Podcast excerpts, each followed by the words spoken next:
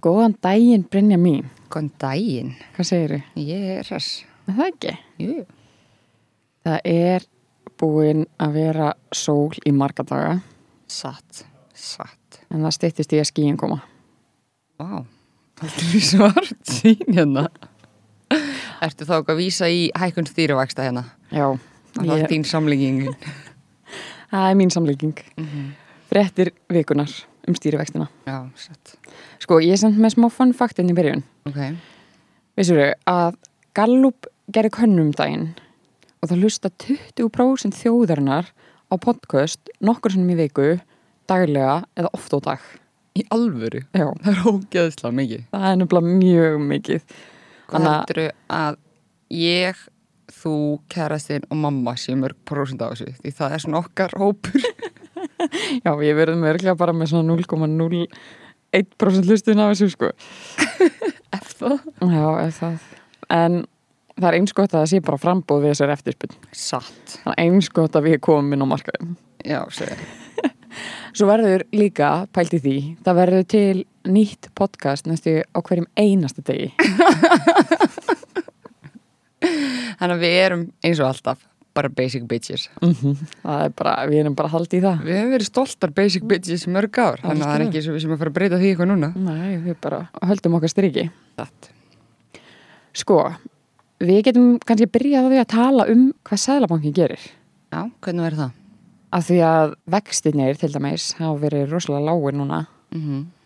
og af hverju það. Einmitt. Og svo var Sæðlabankin að hækka stýrivextina. Ítla við. Já, mjög illa við. Og hvað þýðir það eiginlega?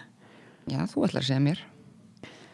Sko, ég held að þessi ágætt að við tökum þetta svona í nokkunu þreipum Ok, og byrjum bara á verðbólgunni, ok, ég til í það. er það ekki? Mm -hmm. Við köfum aðeins betur ofan í hana, þá er verðbólga, samkvæmt skilgreiningu, hvað erum smá búring hérna, það er bara prósendu breyting í almennu verðlagi yfir ákveð tímabil, sem er yfirleitt, eins og hérna í Íslandi, 12 mánuður. Ok, og prósendu breyting í almennu verðlagi, hvað er það eiginlega? Þetta er sérst bara, það er verið að mæla breytinguna í neysluversvísitölu sem er einmitt mæld með því að skoða breytingu á því hversu mikið það kostar að kaupa þessa meðal körfu heimiluna. Mm. Af því að vísitölur, þú veist, þær eru bara í einföldu máli eitthvað skonar meðaltöl og eru bara fengnar með því að vega saman marga stærðir og svo fáum við eina tölu. Þannig að ef við skoðum bara þú veist, þessi dæmi gerða fjölskylda Þessi umtalaða vísitölu fjölskylda. Vinsalt Instagram caption. Erum orðin vísitölu fjölskylda? Nákvæmlega. Sko, það er, það er með þessi veist, fjölskylda sem er verið að miða við í nýsluversvísitölunni. Er það þá ekki fóreldrar og töböld? Mm Jú. Breytingin á því hvað kostar að kaupa þessa körfu, þessa meðal körfu sem þessi fræga vísitölu fjölskylda notar, Mm -hmm. hún er síðan, þú veist, notuð til þess að mæla hvernig breytingin er í hverju mánuði. En hvernig finna þau út hvaða vörur eru það sem eru meðal fjölskylda verslar? Sko, það er um málið. Það er þessi karfa, þessi meðal karfa, hún er bara fundin með því að á nokkra ára fresti þá er bara hópur fjölskyldna fenginn til að halda bara bókald yfir útgöldi sín og skrifa bara niður hvað eru að kaupa og út frá þessum upplýsingum þá er svona hægt að áætla hvað þessi meðalfjölskylda eða vísi til fjölskyldan kaupir svona sirka á ákunni tímabili. Bara á árið þá eða? Já, Ok. Þannig að ég þarf að miða allt mitt húsnæðslán og bara nánast allt sem ég geri út hvar því hvað Jón Gunna, Anna og Kalli þegar ég hún kaupi bara pop, bjór og snirtifurur. já, Ok. Það getur verið að hendin einhverjum svona slembibritum hann sem skemma þetta.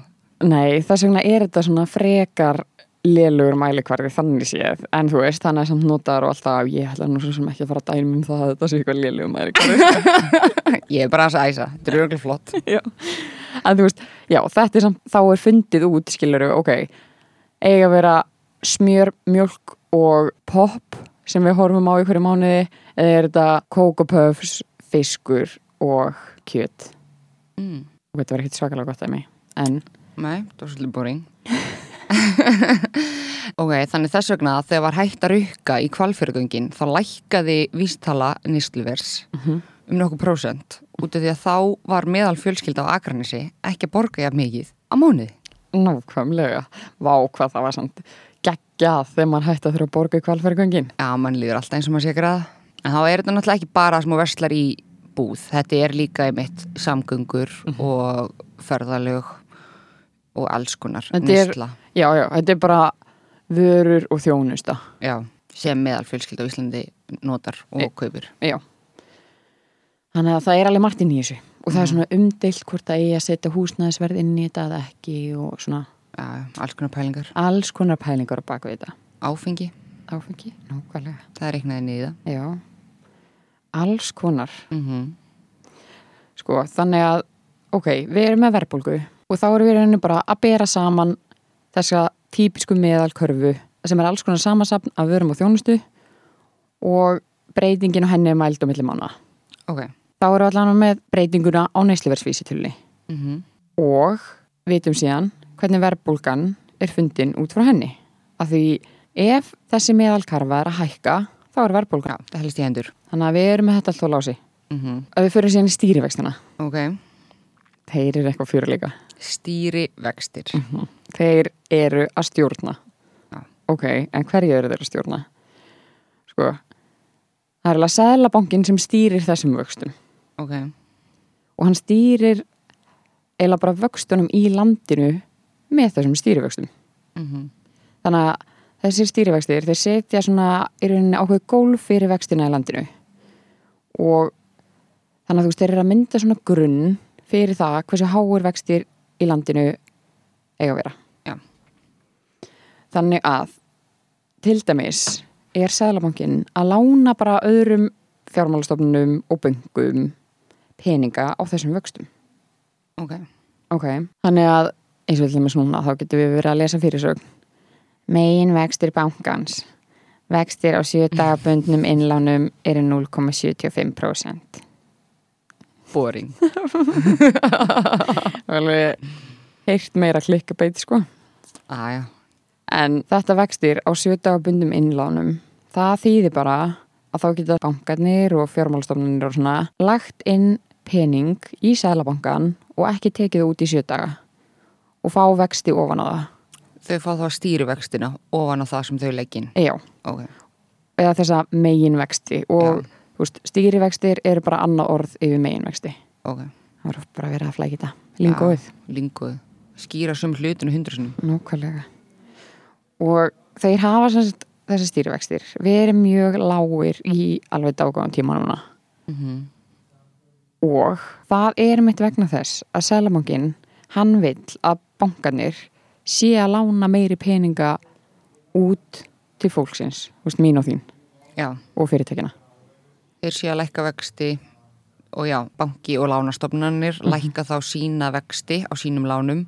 Þannig að fólk er ekki að borga mikið á lánunum sínum. Mhm. þeir getur tekið meiri pening á þá meiri þarlegindi pening eða finnst það eiga meiri pening og er tilbúið að eiga meiru. Nákvæmlega. hann reynir að fá mig til að vesla meira. Það virkar, Já, það er hægt að selja mér allt Nákvæmlega.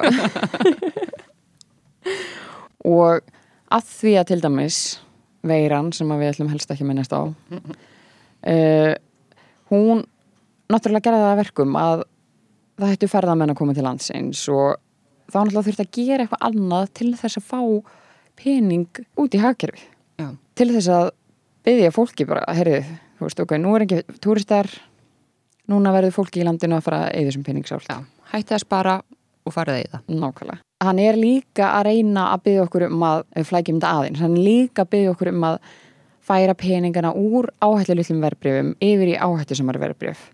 Ef þú hefur alltaf bara verið með peningana inn í ríkiskuldabreyfum, að þá þarftu að færa peningana þína yfir í áhættusamari verbrif ef þú ætlar að fá okkur almennilega raunávöxtun. Það dugar ekkit fyrir þig að geima peningin bara inn á bankareikningnum út af því að þú færir svo ótrúlega litla vexti á þá. Það er í rauninni, það er það sem hann er að gera. Hann er bara að segja við þig, taktu peningin út af bankareikningnum, vinkuna. Já. Sæðalbankin er í rauninu bara svona eins og maður getur sagt partistjóri. Já, Núna er hann bara að keira fólk upp í vitleysu. nokkulega. Bara, já, nú hættum við að spara, nú fyrir við að eigða meiru, kaupa meiri verbref, áhættsam eignir, fjárfesta meira. Hann er aðeins svona æsi fólki. Já, Fá það til að gera eitthvað sem það myndi venjulega ekki gera. nei. Og það er það sem hann gerði, þú veist, með því að hafa vextinu svona lága. Af því þá er auðveldar að taka lán, verður til aukin áhuga skuldabrjöfum fyrirtækja og það lækkar vaksnakosta fyrirtækja og eða segjum bara þetta lækkar ákveðin kostnað og ef fyrirtækja er að lækka kostnað þá hefur það góð áhrif á reksturinn þeirra. Svo núna, undanförnum mánuðum, hefur verið svona að í undir það að það væri að koma vakstahækun. Stýrivextinir væri að fara aftur að hækka. Og það er náttúrulega, eins og horfum aftur á þetta, sem partistjóran. Núna er hann búin að gýra alla upp í partí og það er svakastuð. Núna er hann sem partistjórin nú. Vist, hann vil bara fara að sofa. Hann, er bara komið háfa og leiti. Hann er bara orðin þreyttur. Þannig að hann er svona búin að slöku tónlistinni, kveikja ljósunum og er svona að segja fólki að fara að tíja sér heim. Þú, það er hann að gera. Hann er að undibúa undir þessa vakstahækkun að það er ekkit partíandalust. Hann er búin að gýra okkur upp. Nú nefn að slaga. Nákvæmlega. Nú komið tíminn til að fara áttur heim. Hann er að ná okkur niður á jörðina, sko.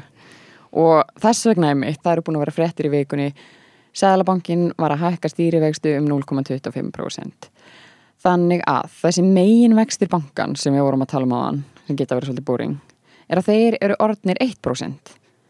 Voru sem sagt 0,75 og eru núna orðnir 1%.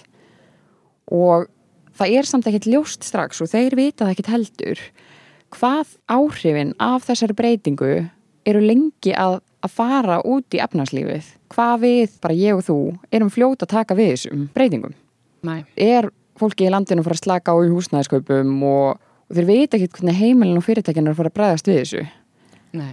En þeir eru samt að reyna sitt besta í að hæja á efnarslífinu til þess að berja skegg þessari verbulgu eða að þeir eru að hækka gengið við komandi gjaldmiðs. Þeir vilja berja skegg þessari verbulgu að því að þeir eru svo ótrúlega markmiðadrifnir þeir vilja viðhalda þessu markmiði sínu sem er 2,5% verbulga. Ok, þegar þú segir verðbólgumarkmið, hvað er verðbólgumarkmið? Sko, ok, ef við bara bökkum aftur til ásins 2001. Ok, Wow, langt síðan. bam. Þá sem Við þekktumst ekki þá. nei, wow, Það er það langt síðan, sko. alveg verið langt síðan. Þá settu Sæðlabankin og ríkistjórnin fram þetta verbulgu markmið. Af því að þeir vildu að árleg verbulga yrði 2,5%. Þeir vilja stefna að því. Ok, og þá kannski spyrja ykkur er, Ég til dæmis. Já, ok, ef verðbólga er svona slæm að því hún í rauninni bara mingar verðmæti gjaldmiðilsins, hún mingar bara verðmæti peningan okkar. Hún mingar verðmæti peningana Já, og hækkar verð og öðru. já, Þannig að þá maður eitthvað að býtu, af hverju erum við með þessa verðbólgu? Getum við ekki bara haldið þessu kjuru fyrir? nákvæmlega, getur við ekki bara haft það 0%? Það verður bara flott. Já, það væri náttúrulega mjög næs. En það er mynd af því að ef hún er ekki til staðar, að þá hefur þessi skór sem ég kefti mér í gærmannstu, að þeir hefur kostað jafn mikið í gær og í dag. Þannig að það hefði bara verið nákvæmlega 0% kvati fyrir mig til að kaupa skóna í gær af því þeir myndu hvað sem er kostaði sami í dag Já. það þýðir í rauninu bara að heimilin í landinu ég og þú, að við myndum bara kjósa frekar að fresta neyslin okkar ég myndi bara fresta að kaupa skóna og þá væntanlega í kjálfarið myndi framleiðsla líka dragast saman af því til hvers að framleiða ef það er enginn að kaupa Já, nú ertu að segja að það væri engin verðbólga, mm þá væri svo auðvilt fyrir því bara alltaf að fresta allir í neyslu og það væri svo auðvilt fyrir að spara eitthvað og geima það. Mhm. Að því peningurum bara heldur alltaf sínu gildi, það er aldrei neitt að vera að hækka, breytingu, að það hafi þá sér sálfræðar áhrif á fólk að það bara hætti eða pening. Já, þá er þetta alveg yftasta myndin. Ok, persónulega held ég að þetta myndi ekki virka á mig. Nei. en það er svona skil ég þetta kannski ekki alveg. Nei, ok, skór eru kannski eitt gott dæmi að því að þú veist, ok, að mér vantar skó þá er ég alveg líkil til að kaupa mig skó ef ég á efnaðum Já, en þetta er svona ég bara reyna að setja í eitthvað samengi af því að ég veit að þú tengir alveg skókaup ok, þetta er kannski meira svona að því fólk er alltaf að tala um að að grípa tækifærið á fastegnumarkaðanum Já, að það hækkar alltaf hækkar og hækkar. Einmitt, en þá myndir fólk alltaf frestaði og frestaði og frestaði akkurat. Þá væri ekki hvati fyrir okkur. Nei. og segjum að framleyslan hún er bara að dragast saman líka til hvers að hafa þá allt þetta fólk í vinnu til þess að búa til og framlega skóna? Fattar það mig? Ég meina færuð þá ekki bara miklu meira í líka svona prósess bara framleiða eftir demand? Jú, einmitt þá væri enginn kvata og myndir alltaf bara setja inn pöntun að þetta kostar jafn mikið eftir mánuð Akkurat. þá myndir bara býði sem skóm eftir mánuð Nákvæmlega. En þetta myndi bara gera það að verkum að fyrirtækinn þurfti þá að segja upp fólki. Þá eikst atvinnuleysi og þá erum við náttúrulega bara komin veist, um leið og heyrir bara já, atvinnuleysi er að aukast. Þá heyrir við bara, ok, það er eitthvað í súpunni hérna. Maður. Ok, þannig að þetta var svolítið svona ykt dæmi en þeir setja þetta markmið sem sagt á til þess að halda hagkerfinu bara í eðlilegu ástandi og til þess þá nota þeir einmitt alls konar verkfæri og meðal annars stýrivextina Já. til að stjórna þessu. En sko, það geta alveg verið mjög margar ástæður fyrir því að verðbólga myndast. Ok, Þannig að ef við dekkum kannski svona, förum við bara svona tvær ástæður, ok bara með auðvelt að útskýra. Já, ertu allir komið samlíkingar? Þú veist ég elska samlíkingar Já, það verða tvær mjög góðar samlengingar hérna. Ok, segjum að til dæmis bara við erum með eitthvað skó og þetta er eitthvað skór þar sem er miklu meiri eftirspurn heldur en frambóð. Ok, Ok, það eru alveg 100% ákveðni skór sem kom upp í hugan á mörgum. satt En já, segjum bara til dæmis að þessi skór, það langar öllum í þá Mhm. og það er ekki til svona mikið. Nei, Þannig að þá væntanlega eru þeir sem eru að selja skóna, þeir hugsa bara, ok, við getum væntanlega hækka verðið á þessum skóm af því að það er hvað sem er allir að fara að kaupa á. já, Og þannig kemst markaðurinn aftur í jafnvægi. Þú veist, hann er úr jafnvægi þegar það er miklu meiri eftirspunni eftir þessum skóm og þeir eru á lágverði, svo hækkar verðið og þá næri hann aftur í jafnvægi.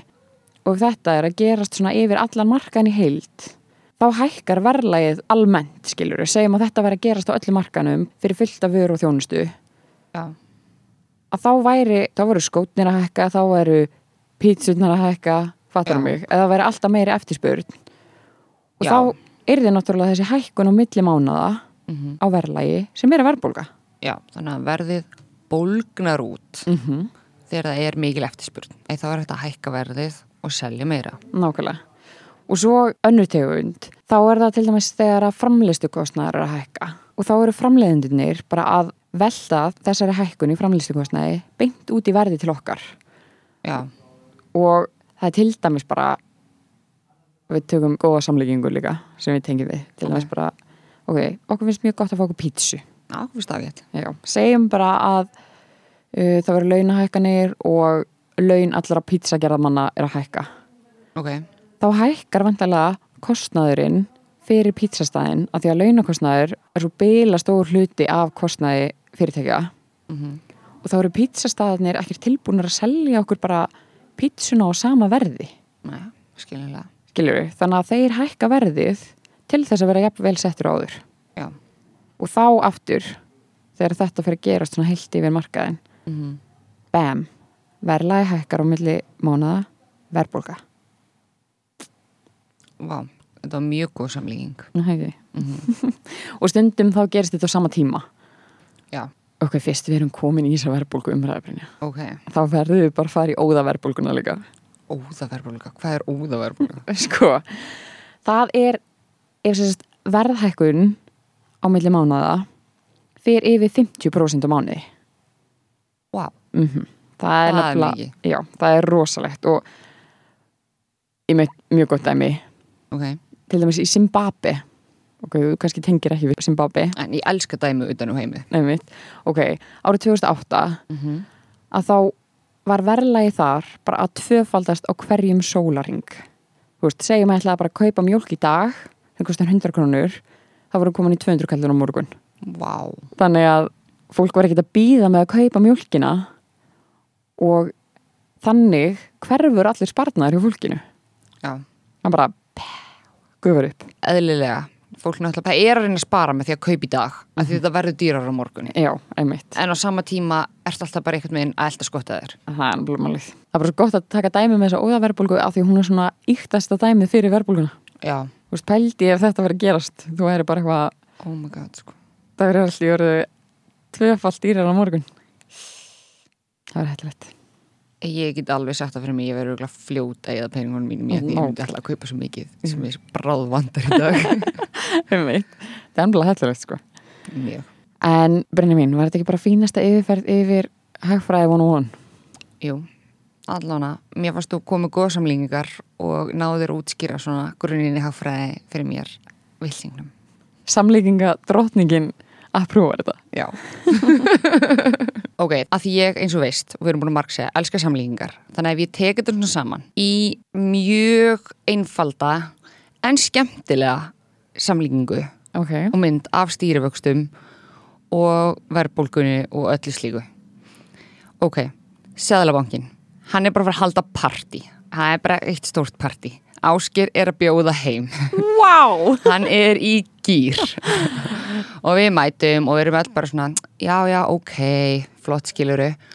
Og en Ásker er bara í góðum fíling og ég vill bara fá gýra fólk upp í partíinu. Þannig að hann mæti bara með skot og hækkar í tónlistinu og stenning.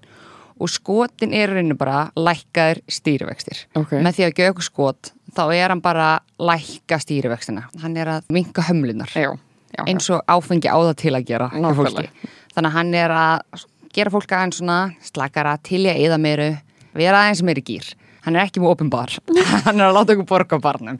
En hann er svona að gýra okkur í að fara á barinn og kaupa meira og svona hægt og rólega byrjuðu bara að eða og eða meira. Mm -hmm. Að því það bara verði á barnum lækkar og lækkar og lækkar. Vá. Og við erum bara næs. Og við erum komin í gýr, komin í smá prósandi og fyrir bara að eða eða meira. Þannig að við erum bara stuði. En á sama tíma er náttúrulega partíð að spyrast út, skilur Ok. Þannig að það eru fleira og fleira fólk að koma heim til háskils og það er meira rauð á barnum. Húsið er svolítið að fyllast og þeir sem eru að vinna á barnum eru bara, heyrðu, af hverju erum við bara að lækka verði? Það er bara stanslust að gera þetta og byrja bara að hækka verði á barnum. En við erum í gýr, þannig að við heldum samt áfram að versla og versla og ringi fleiri vini.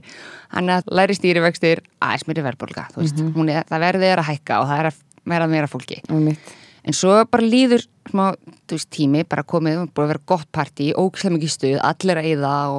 og eins og með húsnæðslánin, sjögla lágu vextir og fólk er bara, fólk er svona aðeins að eyða meiru eða spá í að fjárfesta á svona.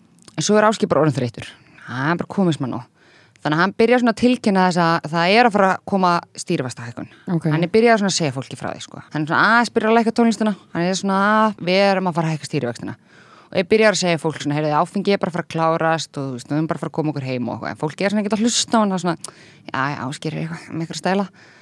Og svo þannig að hann er að hann, þannig að hann ákveð stýrifastahækun. Og það er bara fyrst að skrifa er kveikiljósi. Það var kveikiljósi. En fólk það lætur það ekki endilega stoppa sig, skilur. Það, veist, og það er að sama, veist, hann veit ekki alveg hvernig fólk bregst við því.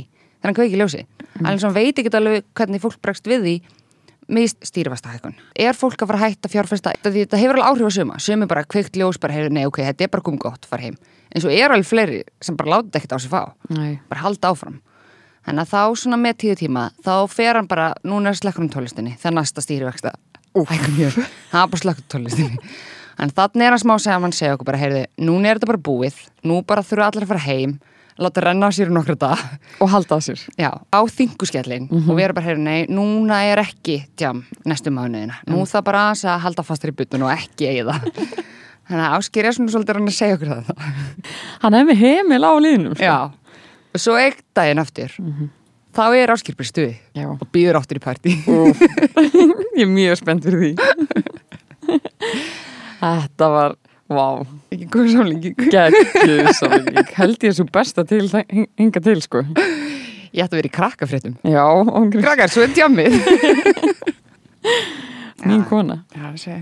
en, við þau ekki bara spurja að stóru spurningunni Ok, stóri spurning. Stóri Stóri spurning er fátt um svör. Og hver er hún? Ég veit ekki. sko ætti ég eða þú eða ykkur annandi að byrja að fjárfesta peningunum mínum þú veist, ef ég er ekki byrjað á því Já, það er svolítið stór spurning. mm stuttasvarið er í rauninni að ef þú ætlar að geima hann segjum bara í 5-10 ár í einhverjum bara til dæmis sjóði að þá er þetta bara ekki spurning Já, þetta er svona ef þú ert komið núna og ert að reyna að safna þér fyrir ykkur og ert að, til dæmis, að reyna að safna þér fyrir íbúð eða bara hugsa fram í tíman og ert kannski bara á góðum stað núna þú ert kannski ekki komið batn eða ert bara með einhverjar aukatekjur á mánuði þá er þetta svona hugsa kannski fyrir ykkur hann úti sem eru með einhverjar aukatekjur á milli handana og vilji leggja þetta fyrir. Þið langar ekki að eða þessu þið vantar ekki neitt og þú þarft ekki að eða þessu. Það er náttúrulega ekki alltaf hægt að segja að maður geti gert þetta hver mánuða mót, alls ekki. Nei. en ef þú ert með eitthvað aukala og við erum bara að tala um 5-10 skall það þarf ekki að vera meira. Þá er þetta náttúrulega, já, kjörunleið til að ávaksta hann pening og láta hann vinna fyrir sig, í staðan fyrir að hann fari bara inn á bankareikning og sapni engum vöxtum, Mm eins og við tölum neikvæð raunavöxtum og þetta er í rauninni bara önnur spartnaðaleið en ég sá eitthvað tíman einhverju pælingu á bakvið þetta og mér langar svolítið að kasta henni fram. Eins og ertu með skuldir á bakinu sem eru með hærri en 7% vexti? Ok, það langar mig nú bara að henda þessu svona út í kosmósi þannig fyrir alla, að því vorum að tala um stýrivextina. Mm -hmm. og það er sögulega lágir vextir á fastegnarlánum í dag. Þannig að það er einhverjum úti með 7% vexti á fastegnarlánum sinni. Þá er ég ekki að tala um á eignum með 2 eða 3 eða hvað sem fólk getur verið með þáttum að herri vexti. Mm -hmm. Þú ert með meira en 7% vexti eða 7% vexti á fastegnarlánum viltu fara í dag og endur fjármagn 1, 2 og 10. Því alveg, fólk er ekki að skoða lánin sinni nóg oft og það getur verið að borga 7% vexti á okkur miljón krónur lánum sem er ógeðslega mikil peningur hverju mánuðamót. það er ekkert smá mikið Þannig að bara henda þessu lána fulltrúin hérna ef þið eruð með 7% vexti á okkur fastegnuláni. Endur fjármagna ekki setna inn í dag. Takk fyrir. Mitt Hva- innslag. gott ráð. Nei en þetta er samt kannski meira svona ok, ertu með smálán? Já, en ég er ekki grinnist. Ég hef alveg hýrt í fólki með 6,5% lán á fastegnuláni sem þess vegna varði hendis fram. ok, ég, já. Þetta er í alvöru og bara, þú veist, maður er ekkert alltaf að fylgjast með þessu og þetta er ekki hluti sem maður gerir á hverjum degi sem maður getur staðið undir þessu. Ég veit en það. maður trúir því ekki að maður geti fengið betri kjör. En þau eru það núti þannig ef þið er eitthvað að hlusta skoða fastegnuláni eitthvað reglulega því þar eru oft staðist útgjöld fjölskyldi nema náttúrulega ert með leigu þá ertu ekki að borga fastegnulán nei, einmitt. En þá ætti kannski leigandiðin að skoða lánið sitt. Já, einmitt. Og lækka leiguna. Ok, þannig spurningin er ertu með skuldir á bakinu sem eru hærri en 7% vextir? Það getur náttúrulega líka verið eins og ykkur smálán eða bílalán eða Algjörlega. eitthvað slíkt. Það er náttúrulega er ekki jafn auðvelt að endur fjármagn þau. Nei, en ef þetta er íbúðalán að þá endur fjármagna en ef þetta er eitthvað bílalán eða smálán eða eitthvað að þá byrja að borga það niður. Og ef svarið er nei með þessari spurningu að þá getur maður alveg spurt sig ok, næja greiða mánalega greiðslur þessar förstu greiðslur alveg svona á frekar þægilegan hátt. Ef svarið er nei að þá er kannski bara svona hægt að hingra ok, ég næ ekki að borga nema bara akkur það sem launin mín dekka bara nákvæmlega þessar mánaða greiðslur sem ég þarf að greiða og þá, þá kannski einn daginn. Já.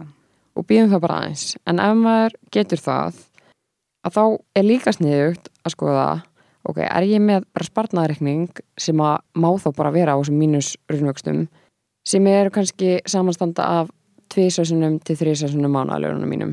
Það getur alveg verið fárálega mikið að eiga það. En bara þú veist, ef maður byrjar og leggur fyrir kannski 5.000 á mánuði til þess að eiga það af því ef að maður missi vinnuna eða ef að það kemur eitthvað leðilegt fyrir húsnæðið sem að maður annarkvært býr í eða leia kæsti bíluminningar til dæmis. Nákvæmlega, mm það var, já. Ég, ekki fara, ég, ég er ekki tilbúin að ræða þetta strax. Nei. Þú veist, það var leiðilegur hundur áskall umurlegt, bara það að eiga þá ok, tvisasunum til þrisasunum mánaðalinn sín getur alveg verið fárálega mikið, en ef maður samt svona smá saman safnar upp í það það Já, alveg, þá erum við kannski að meina í staðan fyrir að fara beint í að leggja hana fyrir múskall sem maður ætla að gera á mánu í fjárfestingar. Að leggja kannski fyrst inn á sparnareikning helst lokaðan sparnareikning hann verður eiginlega bara lokaður og sapna sér smá.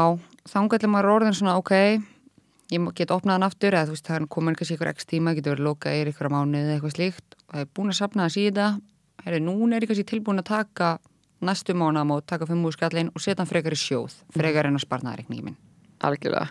Ef maður er með þetta alveg á, á bara kristaltæru að þá getur maður kannski spurt sig ok, næja greiða örlítið ekstra inn á einhverju lán sem ég er með á hverju mánu. Já, en þá náttúrulega komum við líka inn á kannski bendum, því ég er lánafulltrúi, þessa hóps, að þá er náttúrulega sem allir sem ættu að vera með fyrstu eign ættu að skoða og líka bara það er búið framlengja þetta fyrir fólk sem er ekki að kaupa fyrstu eign eða ekki fyrstu eign. Sér eignar spartnaðurinn inn á lánið. Sem far skattfrjálst inn á lánið þitt. Þannig að þú ert með sér eign sem allir ættu að vera með að því þetta er eini lífurinn sem erfist auðvitað og erfist auðvitað fyrir aldur sem gerir þetta ekki um hitt. Og það er einmitt verið að bjóða upp á svona úrraði í COVID að geta tekið út sérignarspartnaði sem slíkt. Þannig að ég er talsmaður sérignarspartnaðar hérna.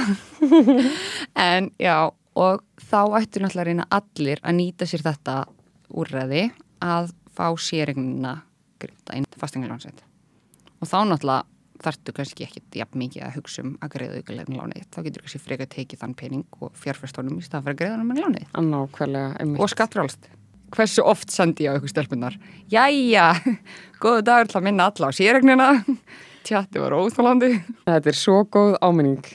Lána fulltrúa minn sko. Það er gott að hafa þetta svona á kantinu og þetta bara, þetta er svo gaman. Ok, gaman er kannski íkt orð en svona, ég ætla bara að nota gaman. Og opna yfirlitið við lánið og sjá bara eitthvað, vá vissi ekki á þessum peningana, hann fór hann lánum mitt. Ég er að horfa á lánum mitt læka, það er næs. Þetta er, þetta er gott í hérta Gekkju tilfinning sko. Ég man eftir því að ég sá þetta fyrst Ég var bara Ég held í alvöru í smástund að það hefði eitthvað óvart lagt inn á lánum mitt. Ég get ekki tilkynnt þetta þetta er næs Svo átti ég að maður því. Já, þetta eru mínir peningar. Það var geðvikt þetta er nefnilega ekki ekki. Og svo ef maður, já, er í þessum málum þá er þetta kannski bara góð hugmynd að byrja fjárfesta. Já, og, og líka bara það, þú veist, ég meina ég er ekkit alltaf fæstir er í svona góðum málum hverju mánaðamót? Alls ekki. Og þú veist, auðvitað náttúrulega getur verið áskrift að við höfum talað um að við tölum um það í þætti þrjú. Við erum svona eins og við sem ekki gera starfosmyndunar við erum búin að taka þetta upp aftur og bak. Við höfum talað um eins og með sjóðunum þá ertu náttúrulega í áskrift mánaðarlega. Og þá ertu náttúrulega aðeins að greiða minna í kostnað. Þannig að auðvitað langar manni kannski að vera með fasta áskrift en ræður kannski ekkit við að vera með 5 skall eða 10 skall á mánu hver einustu mánuðamót þannig að það er náttúrulega alltaf hægt að stoppa skrási áskrift, nær tvei mánuði með röð svo bara stoppar þau næstu mánuðamót bara heyrðu, ég sé ekki fram á þessu fyrir náðu klæst í bíliðin, eitthvað mm -hmm. talar einslu, það bara lókar á þetta. Já. opnar þetta síðan aftur. Það er náttúrulega hægt að gera þannig sko. Og fyrsta skrefið er eiginlega bara að opna sér vöslureikning Vá hvað ég held að það væri miklu flóknara. Já, ég held að það þýrst bara frá atvinnuvindal fyrir þetta eitthvað. Ég Nei, nei, þetta er ekkert mál. Þetta er tvö eða eitthvað Það er alveg gott að vita að svona, það er ótrúlega margt í bóði þannig að kynna sér og skoða úrvalið. Svo er alltaf svona áhættulevel hjá hverjum sjóðu þannig að þú sérð alveg, ok, þessi er með svona mikla áhættu og þá getur bara valið svolítið sjóðu líka út frá því. Og það sem er í bóði til þess að ávaksta peningi sinni í rauninni að það er í fyrsta lagi bankareikningarnir og það er náttúrulega bara engin sveifla þar og, og þar að leiðandi lagst áhustunin. Næst í rauðinni eru það ríkiskuldabrifin sem að eru skuldabrif sem ríki gefur út þannig að þeir fái pening til þess að geta notað í rekstinu sinn. Þannig að þau eru alveg fyrir ekkar áhættu lítil og þess vegna að því að þau eru svo lítil áhætta að þar að leiðandi færði ekki droslega mikla ávöxtun af þeim. Big risk, big Mhm. reward Það er eitt linguð sem hann lærir að það er bara true Nei, ok En já, þeir eru samt ef þú ætlar að horfa á þetta til aðeins lengri tíma Já, og ert tilbúin að festa peningin þá er þetta náttúrulega samt betra en að setja þetta inn á læsta reikningi 36 mánuði eða eitthvað slíkt algjörlega. út af því að þar ert ekki græða neitt Nei. Málið er að þau eru svona áhættu lítil að því að það eru svo litla líkur á því að ríkið fara á hausinn. Þannig að þetta er bara, getur verið mjög góður kostur fyrir þá sem vilja geima peningin sinni einhvers annar staðar en á bankareikning en samt hafa miklu minni áhættu en til dæmis á hlutabræðamarkaði. Ríkiskuldabref í dag eru kallið ríkisbref. Þau eru svona til langstíma og kallið löng ríkiskuldabref. Þetta bókstaflega heitir lungu stutt það er alveg smá verið að mata manna sko. enn og aftur íslenskan það er kannski aðalmálið er að eins og til dæmis ég veit ekki hversu oft ég sá hann eitthvað Riggs 30 og ég vissi ekkert hvað það þýtti eða Rigbu eða eitthvað, skilur RIKS og RIKB og þetta er bara RIKS er bara verðtrykt ríkisbref og 30 stendur fyrir á gjaldaga 2030 og svo er líka RIKB sem stendur fyrir óverðtrykt ríkisbref Þetta er bara mjög sniðt því ég hefði ekki hugmynd um þetta. Þess bara að það væri eitthvað svona bara eitthvað nafn sem einhver fann upp. Það er bara skjálaskapur já, einmitt. Stýttingar og okkur svona orðum Svo er ríkinu alltaf, alltaf skipulagt. Já, ríkið, elskar að tala lingói. Þannig að með þessu að þá ertu í rauninu bara að lána ríkiru pening og ríki greiðir síðan peningin tilbaka með einhverjum vöxtum eftir ákveðin tíma. Ok, þetta er smá svona eins og að lána fóreldri sinni pening Þú veist alveg að fóreldriðinir Ok, flest allir fóreldrar, ég get ekki tala fyrir allir fóreldrar En svona í fullkomin heimi Þá veist að fóreldriðinir er ekki fyrir svíkja þig Þannig að þú veist, þegar ég var lítil og var að sapna mig fyrir ykkur þá svona geimdu mamma og pappi peningin og bætt alltaf smá við svona að því ég var svo duglega að taka til í herbygginu mín. Þannig að þetta er svolítið eins og að fá, lán, þú ert að lána fóreldriðin pening, þú ert að lána ríkinu. Þú veist alveg að það er ekki fyrir að svíkja þig og það er eitthvað smá ávöxtun en þú þarft samt alveg svona trist á þetta og býða smá, vera þólumóð. Þú veist, þú varst ekki að fara að fá þessa Playstation í dag. Þú Nei. þurftir að sapna fyrir þessari Playstation eða Einmitt. hvað sem það var þú sapnaði fyrir. Já, þetta er góð skýring á þessu. Mjög góð. Ég er að reyna að koma með samlíningar sem fólk tengir. Algjörlega. Þú varst greinlega að setja ykkur svaka díla þannig að það var lítil. Ég gerði það. Svo þetta var alltaf við að sapna saman. Svo eitt sem að fór í fílu til pappa, senda honum bref og svo hann geti sapna sér fyrir sinni eigin plastasjón. Æ. Af því við vorum að sapna saman. Vá, það er þetta mjög krútlegt. Rosaleg hótun. Rosaleg. Líka því líkt tap fyrir hann. Æj, æj. Þetta, var, þetta er okkur svipa moment að fá greitt baka á ríkinu þegar ég fóð með peningi minn í skífuna og kefti Playstation í sko seðlum og klingi nákvæmlega.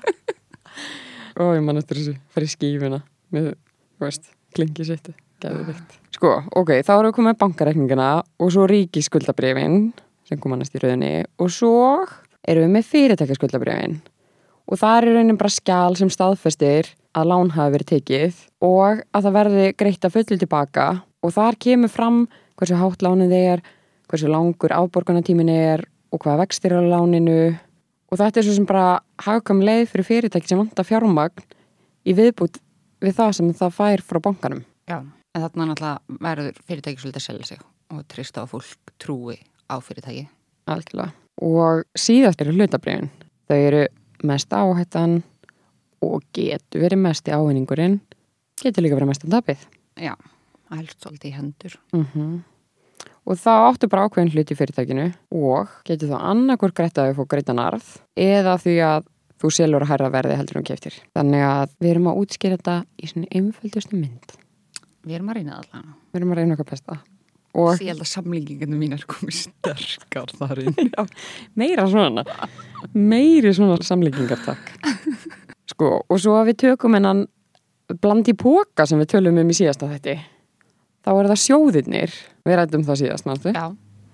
Ég get komið samlingingu með blandipókan. Það var einn samlinging sem ég kom með þar. og hún var mjög góð Og maður getur til dæmis líka verið bara í súkulæðinu. Samt mismunandi súkulæði. Sem maður verið bara í. ég er alveg tíman sem fer bara í súkulagi þá getum við verið með lausafjórsjóði og það er þetta blanda af þú veist bankareikningum og stuttum skuldabrefum og ríkisvíkslum og þú, þú heyrir bara strax þegar að tala þetta upp þú kannski skildir ekki orðaði en þú ert samt svona, ok, þetta er það sem hún tala um á hann það var allt lítil áhætta í þessu og þetta er bara svona blanda af einhverju með litla áhættu Það er svolítið eins og köpsi bara súkulæði. Það er engin áhætta í súkulæðinu. Svoleið skot bara Ok, síðan fyrir við yfir í hlaupið Skuldabrifa síðana Já, ég myndi samt að segja að þetta var svona hlaup með smá skóabæri mixi. Ok, ok Er það ekki hlaup líka? Ég veit ekki. Jú, hlaup og skóabremix Jú Og þetta eru sjóðir sem fjárfesta mestmagnis í skuldabrifum sem eru gefin bæði út veist, af ríkinu og líka fyrirtækjum og sveitafélögum. Þannig að þetta er svona smá mix og þetta er bara sjóður með blandi póka af skuldabrifum og þetta getur alveg verið bæði til skams og langstíma. Aðeins meira áhættu heldur en í lausafjörsjónum en minni en í hlutabrifasjónum. af því að svo erum við með hlutabrifasjóðuna, þar eru við komið mestu áhættuna, þar er verið að fjárfesta bæði í skráðum og óskráðum hlutabrifum og innlendum og erlendum og þetta er best kannski í fjögur ári að meira. En þetta er kannski svona eins og típan sem fyrir á netu bara líka. Þetta er taka áhættu. Wow! Borðar eina helvitis netu hún í. Þú vil er þetta addi klæmbæks þá, sko. Búast við að fá, Já, eitthvað næs. Svo er þetta bara. Dögt súkulega undan á já, og það er svona, þú veist, eins og eitt brefið í hlutabrifasjónum getur farið niður og meðan hitt getur farið upp. Það skal hægt. Slappa af. og svo erum við með algjörlega blandaðan sjóð. Þá vera fjárfesta í blönduðu sapni verbreyfa, öðrum sjóðum og innlónum. Þess að bara vera að blandi þessu öllu saman. Já. Þarna ert að draga úr áhættu með að við hlutabreyfasjóðin Já, er náttúrulega dreifist áhættan meira heldur en hlutabrjófsjónum. nefnilega. Að því þú veist, í hlutabrjófsjónum ertu bara með hlutabrjóf, en þarna ertu náttúrulega líka með þessi skuldabrjóf sem eru áhættu minni.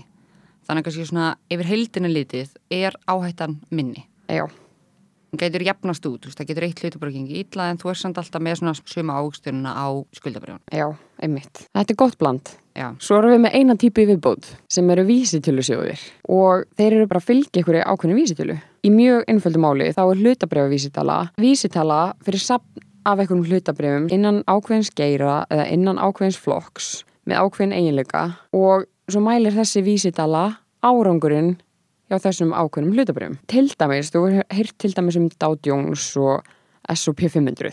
nei, en allt í lagi, haldt áfram. Brynja, þú hefur heyrt um Dow Jones. Hefur ekki séð þetta svona, Dow Jones?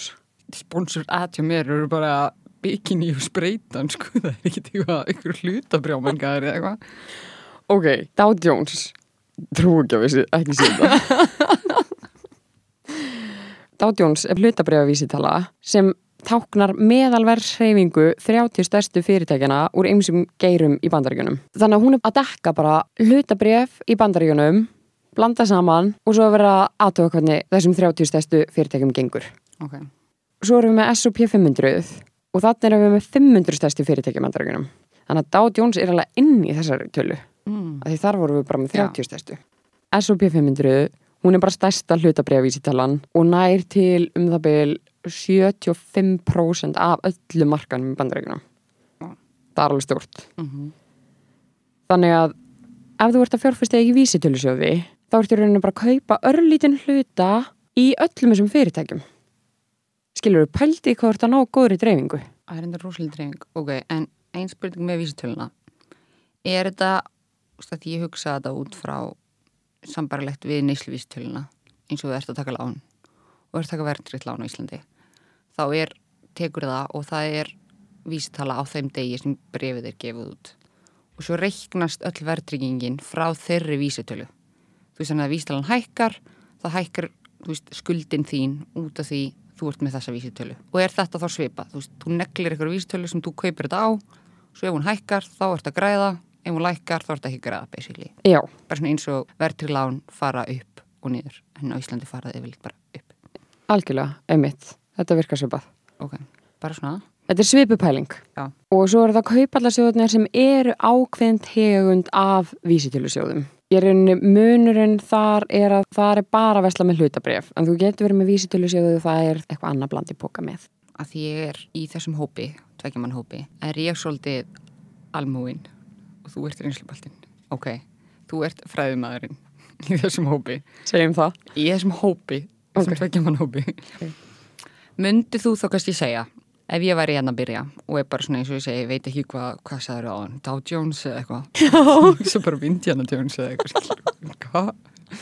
Allavega, myndi þú þá ekki segja svona, ok, það er kannski aðeins fyrir lengra komuna.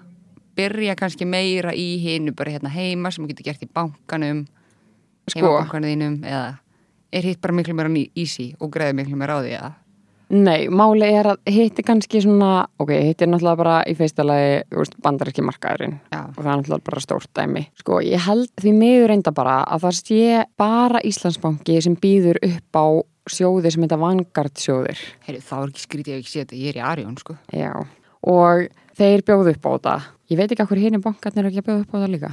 Sjátt á þá, sko.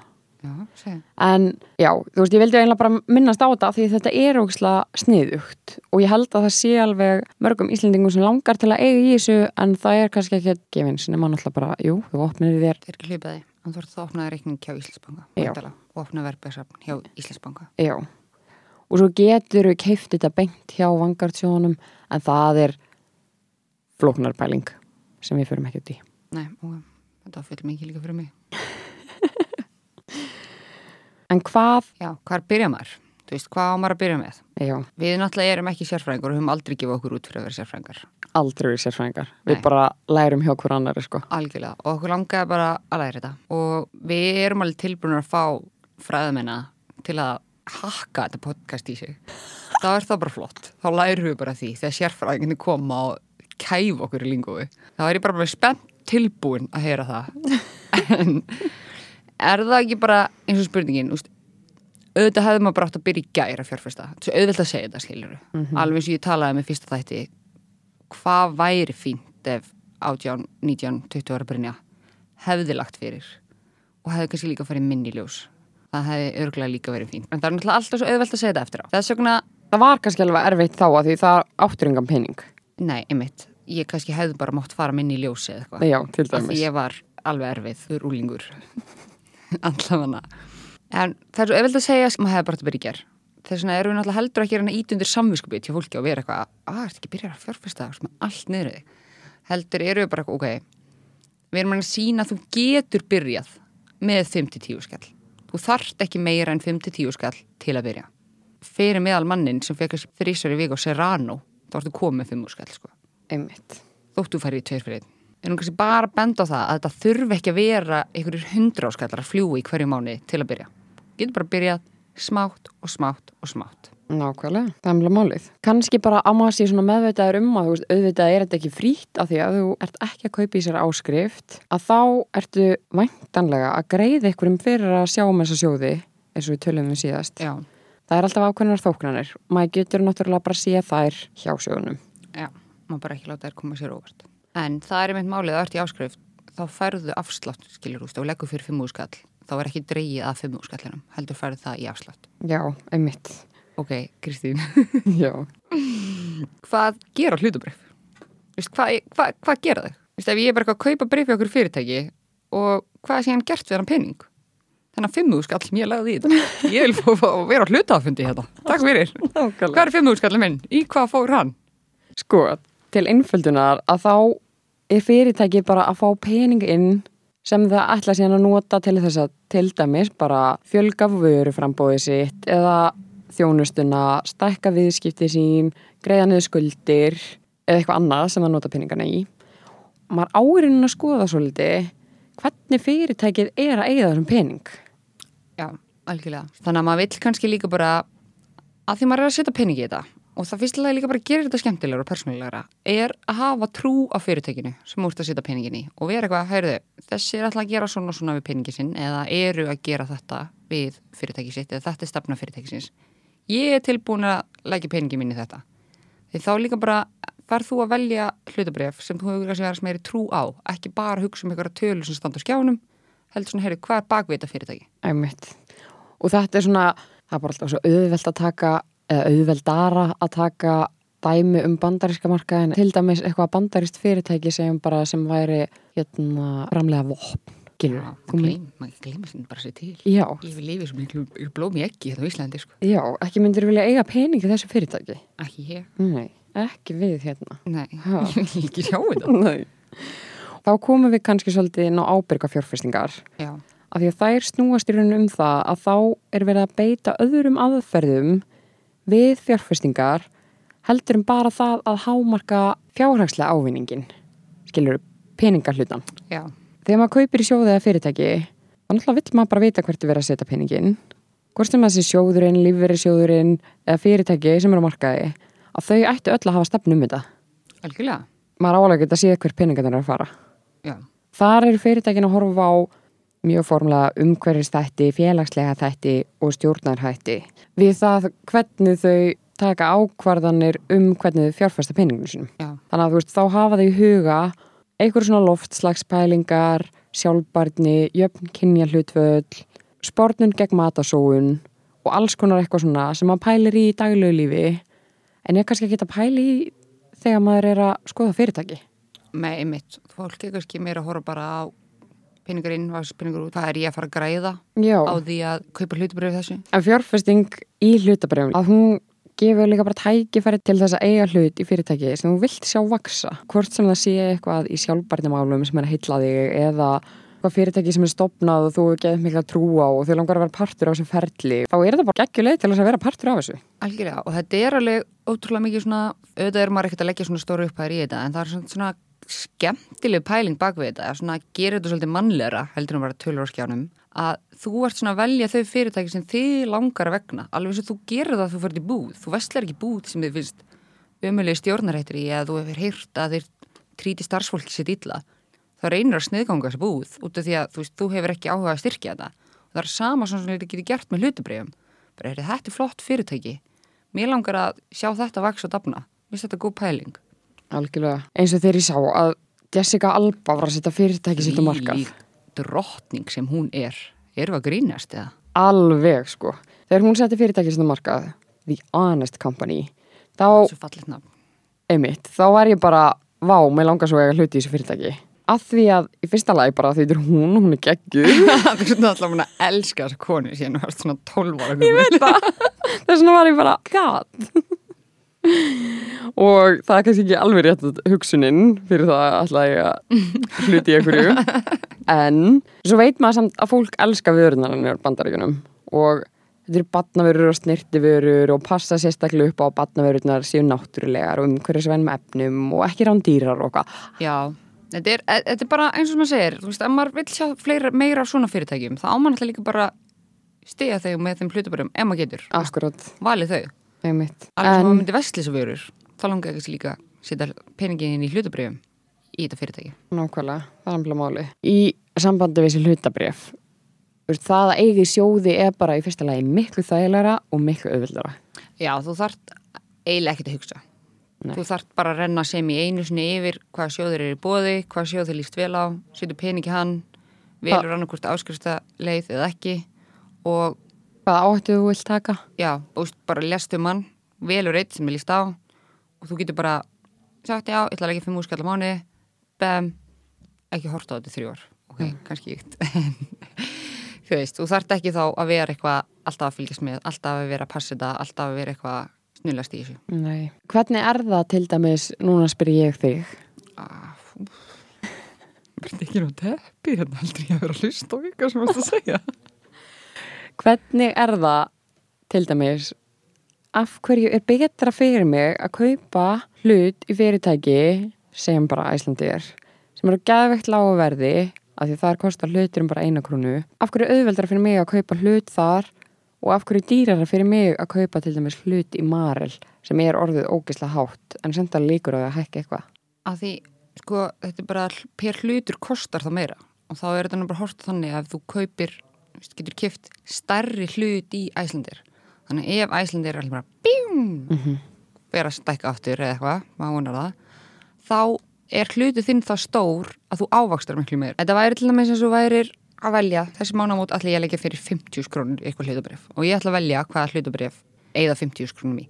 Þú getur náttúrulega skipti og gert 25, 25, þú veist hvað sem er. En segjum að þú hafi bara hugsað þetta. Bara ég er með 50 skall, ég ætla að eigða honum í hlutabrif þá getur ég kift kannski Æslandir og þú getur kannski bara kift þúsund hluti í Æslandir fyrir þennan 50 skall að því verða á Æslandir er það lágt akkurat núna en á sama tíma myndir kannski bara geta kift þrjá hluti eða tvo hluti eða eitthvað í Marel, ok, þú veist konar eða sem pening það áttu bara miklu starri hluti í Æslandir þannig að ef Æslandir fer að ganga vel og verður bara eitthvað flýgur upp sem var náttúrulega bara vonar því við viljum fara að komast aftur til útlanda og allt það mm -hmm. Þá áttu miklu starri hlut og þá segi, peningurinn miklu meira. Og á sama tíma ekki kannski ég Marel og þú átt miklu minni hlut og þú fær bara minna tilbaka. En á sama tíma getur maður líka hugsað þannig að það er náttúrulega meiri áhætta að tekin í því að kaupa hlutabrif í Æslandir þess vegna eru þau svona lág núna. Líka veist, að því reksturinn gengur ekki alltaf vel og það er náttúrulega líka eða fyrir hausinn þá ertu náttúrulega búin að tapa þessum 50 skalli en í Marel er þetta aldrei að fara að tapa þessum 50 skalli en hann er kannski ekki að fara að ávakstast já, mikið. Bam, ég skil þig. En þá getur náttúrulega líka bara skipt þessu upp, skilur En svo er náttúrulega bara eins og Æslandi er bara fullt af fólki sem er trú á þessu og vill leggja peningin í það og greip það bara tækifærið að kaupa þetta ódýrt og er bara vonað að þetta fljúa aftur upp. Akkurat. Mína, við hefum alveg gert mistök og við eigum alveg eftir að gera mistök þessu og Algjörlega. En það er náttúrulega líka þá tilurinn að forðast þessi mistök eða mistök er náttúrulega bara sam og gera tap. Þú veist, það er lengið nefnum mistök sem þú getur gert. Og jú, þú getur fjárfest í fyrirtæki sem þú ert ekki ánað með eða fílar ekki stefnuna. Getur þá bara alltaf selt þau bref og verið bara, heyrðu, það verið að henda út stjórnandanum sem ég fíla eða eitthvað. Getur bara selt brefið. Mistök er náttúrulega, yfirlt þegar fólk talar um mistök þá er það náttúrulega bara tap, það tapa einhverjum pening. Þannig þá er náttúrulega, er maður að reyna þegar maður á ekki eins mikið peningum meðlega handana og er kannski ekki tilbúin að tapa miklum pening, að reyna að dreifa þessu. já, Kaupa minn í einu, kaupa í fleiri hlutabrifum eða í sjóðum, mismunandi sjóðum. Kaupa meira bland í póka, algjörlega. bara eitthvað svona að reyna að dreifa þessu. Einmitt. Þú er náttúrulega að tala um þetta 20% þjóðarinnar, hlusti svona mikið á podcast. Ok, nú sitt ég samt alveg spurningamarki stundum við kannanir. Hver situr á það niður bara? Herri, tjekku hvað margir hlusta podcast maður. Það er geggi pæling. Ég svaraði ekki þessari konun. Ég, nei, en þú veist, ég bara, ég bara, við dái staðum. Já. Þetta er bara hugmyndaflug. Þetta er Algjörlega. áhugaverða upplýsingar. En, ok, við vildum allan svona reyna að koma með eitthvað samlíkingar og tala um þetta bara svona eins og við tölum um þetta.